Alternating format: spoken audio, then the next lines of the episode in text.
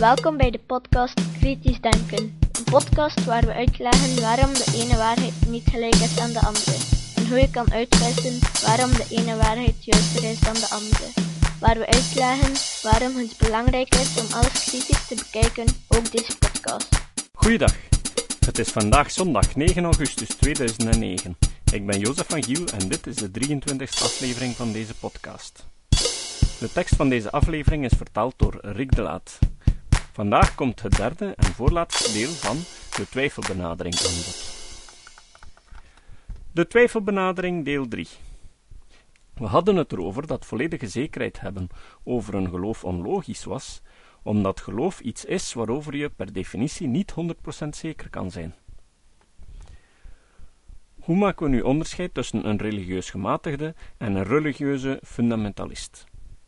De meeste woordenboeken geven twee aan elkaar verwante betekenissen. Hier volgt een voorbeeld. Het geloof in oude en traditionele vormen van religie, of van wat er is neergeschreven in een heilig boek, zoals de Bijbel, is helemaal waar.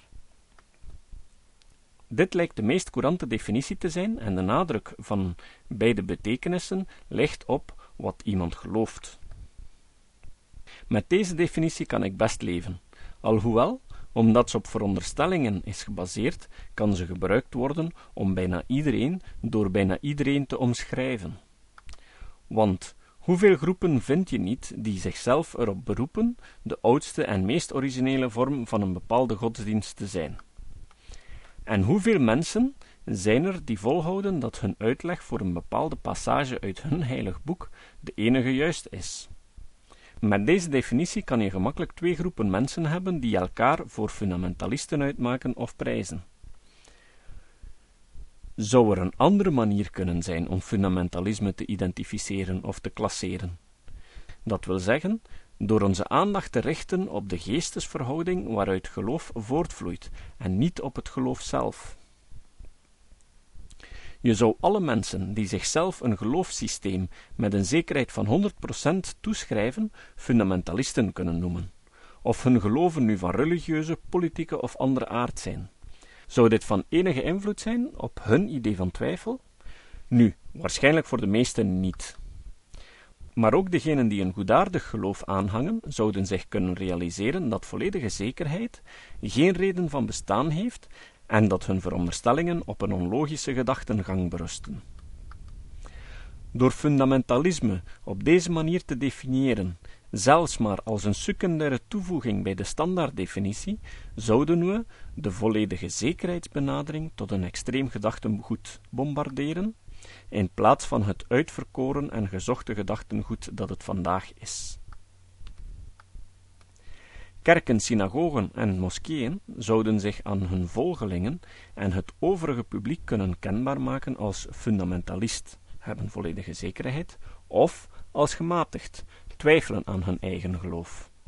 Door de irrationaliteit, eigen aan het gedachtengoed van volledige zekerheid, zou het aanzien van het religieus fundamentalisme verminderen ten voordele van de gematigden maar voorlopig staat vooral de volledige zekerheid in hoog aanzien in de religieuze kringen.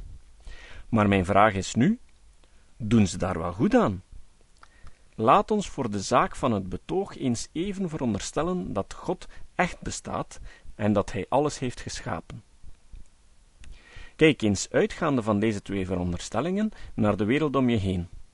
Concentreer je op je zintuigen en ga na hoe ze je brein van informatie over de wereld voorzien.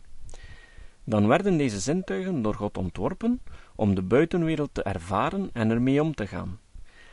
Maar God heeft ons alles behalve perfecte zintuigen, nog een perfect brein gegeven om de zintuigelijke data te interpreteren. We weten dat God ons geen perfecte zintuigen heeft gegeven, alleen al omdat bijvoorbeeld een arend veel beter ver kan kijken dan wij. Vele insecten kunnen ultraviolet waarnemen, wij niet. En planten benutten ultraviolette kleurstoffen om met insecten te communiceren. Fretten en honden horen tonen die wij niet kunnen horen. En honden ruiken zoveel beter dan wij, dat wij ze gebruiken om bijvoorbeeld vermiste personen op te sporen. Muizen hebben ongelooflijk gevoelige snorharen, waardoor ze in roetzwart duisternis nog hun weg kunnen vinden. We hebben dus geen perfecte zintuigen.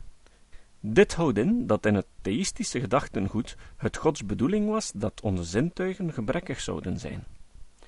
Bedenk ook dat mensen door hun zintuigen in de maling worden genomen, door bijvoorbeeld luchtspiegelingen in de woestijn. En dat er mensen zijn die dingen menen te zien of te horen, dingen die er in werkelijkheid niet zijn, zoals bij schizofrenie. Het houdt inderdaad geen steek vol te houden dat God een perfecte wereld schiep en dat onvolmaaktheid slechts na de eerste zonde opdook. Konden Adam en Eva in ultraviolet zien? Of dronken ze geen water zoals wij nu? Denk even door. Water moet een zekere dichtheid hebben, opdat wij het fatsoenlijk zouden kunnen verteren. Als dat zo is, dan is datzelfde water dicht genoeg zodat iemand erin kan verdrinken. Of waren de rotsen waarop Adam en Eva stonden dan niet hard? Als ze hard genoeg waren om op te staan, dan moesten ze ook hard genoeg zijn om te struikelen en er zich aan te bezeren. Maar dat is even een zijsprongetje. Terug naar ons onderwerp.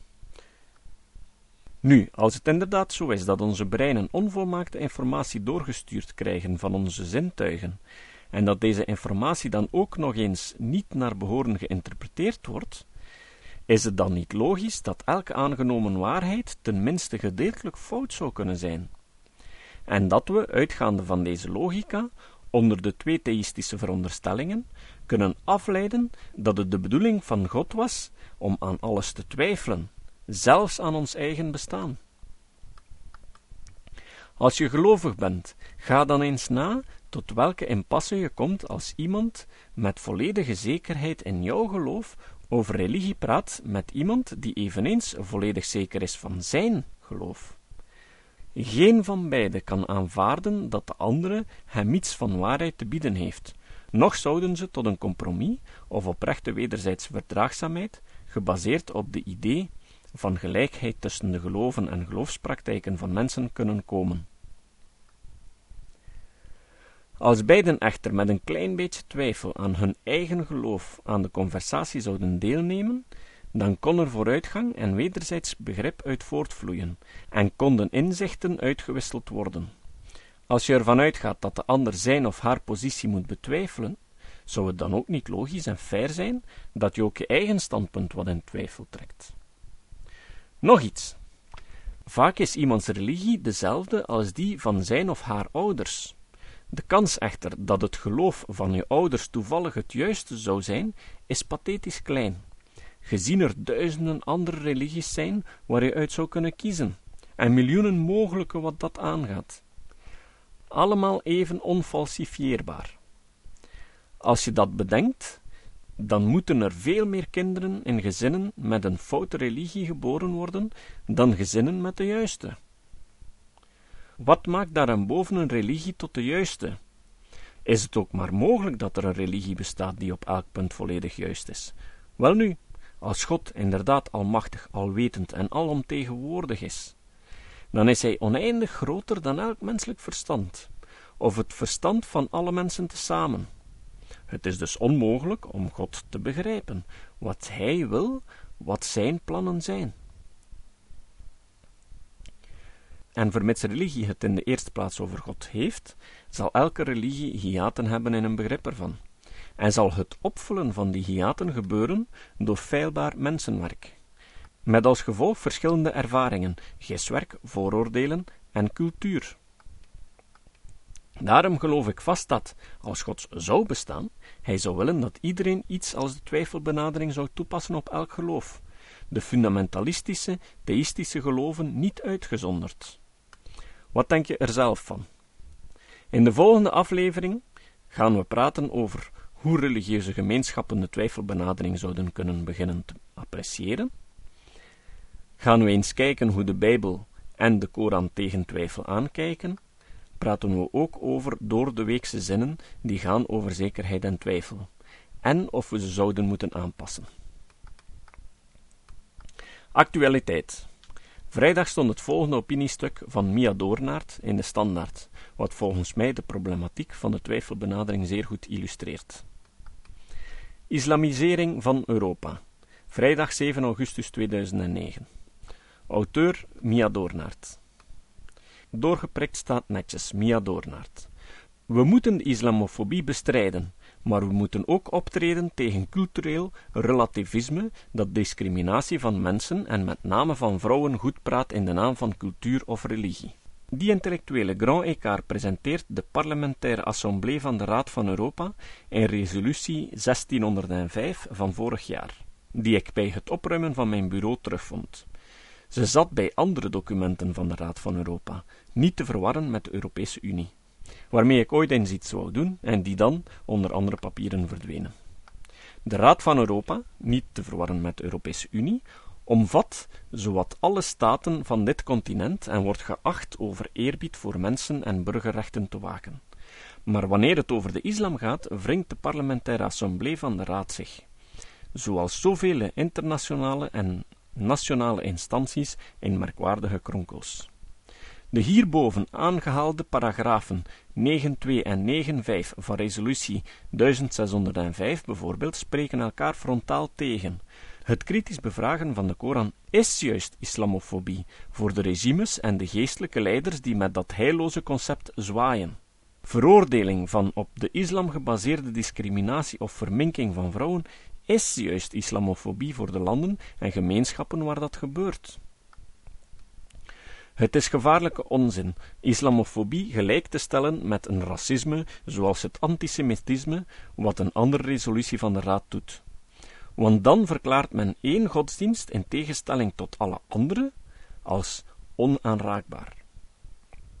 Anticlericalisme mag en wordt zelfs toegejuicht, maar de islam bekritiseren, verdenken of afschuwen, wat ook ieders recht is, wordt gebrandmerkt als racisme.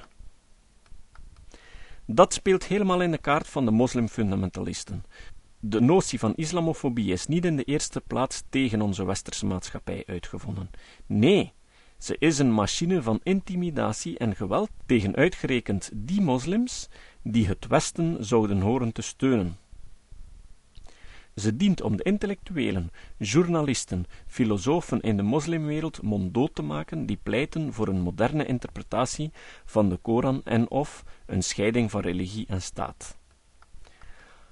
Als ze die organisatie menens is met de gewetensvrijheid, zou de Raad van Europa de notie van islamofobie vastberaden moeten schrappen. Als de Assemblée integendeel vindt dat respect voor godsdienst voorrang krijgt op de vrije meningsuiting, moet ze consequent zijn en ook de christianofobie veroordelen. Het ene wel en het andere niet doen, is met twee maten en twee gewichten meten. Of beter gezegd, het is appeasement ten aanzien van lieden die geweld gebruiken of dreigen met geweld tegen de uitoefening van onze vrijheden. Een nieuw voorbeeld dook vorige week in ons land op in een merkwaardige richtlijn van de leiding van de federale politie. Voortaan zouden mannelijke agenten niet meer de identiteit van personen in burka mogen controleren. Dat zou alleen vrouwelijke agenten toekomen. Kwestie van niet te provoceren. Jozef de Witte, directeur van het Centrum voor Gelijke Kansen, zag, zoals te verwachten, geen probleem in de nieuwe regel. Gelukkig zijn er wakkere gekozenen. CD&V-senator Dirk Klaas rekende voor dat er maar 6000 vrouwelijke agenten zijn tegenover 32.000 mannelijke. In de praktijk zou dat respect voor een andere cultuur er dus op neerkomen dat wie zich in een burka hult, ongehinderd haar of zijn gang kon gaan. Dit gaat lijnrecht in tegen een belangrijke veiligheidsprincipe dat elke agent altijd een identiteitscontrole moet kunnen uitvoeren, zei hij. Door die en andere waarschuwingen zou die richtlijn nu toch weer afgevoerd worden.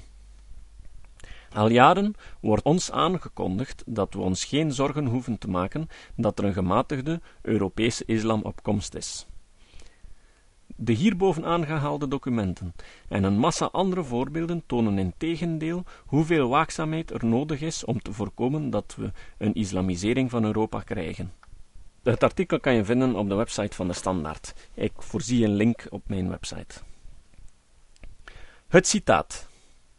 Pierre-Simon Laplace was een grote Franse wiskundige en astronoom uit de periode van de Franse Revolutie. De meesten zullen hem kennen uit de humaniora als de grondlegger van de Laplace-transformaties, die onmisbaar zijn in de elektrotechniek en die een enorm hulpmiddel zijn bij het werken met differentiaalvergelijkingen. Zoals iedereen weet, heeft Newton de basis gelegd van de verklaring van de beweging van de planeten. Wat Newton echter verwonderde, was waarom de planeten zo perfect op hun elliptische baan terechtgekomen waren en stabiel op die plaats blijven. Newton besloot daaruit dat hier de rol van God moet weggelegd zijn, en zo ontstond de Newtoniaanse theologie. Laplace heeft dit probleem opgelost door aan te tonen dat als het zonnestelsel ontstaan is uit een stofwolk, er vanzelf, als gevolg van de Newtoniaanse zwaartekrachtwetten, planeten ontstaan die in zulke banen terechtkwamen. Het is algemeen geweten dat Napoleon Bonaparte erg geïnteresseerd was in wetenschappen.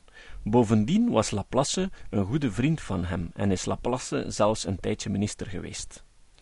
Toen Laplace zijn nieuwe theorie over het vormen van planeten aan Napoleon voorstelde, vroeg Napoleon waarom God in zijn theorie niet voorkwam. Laplace heeft toen geantwoord: Sire, ik had deze hypothese niet nodig.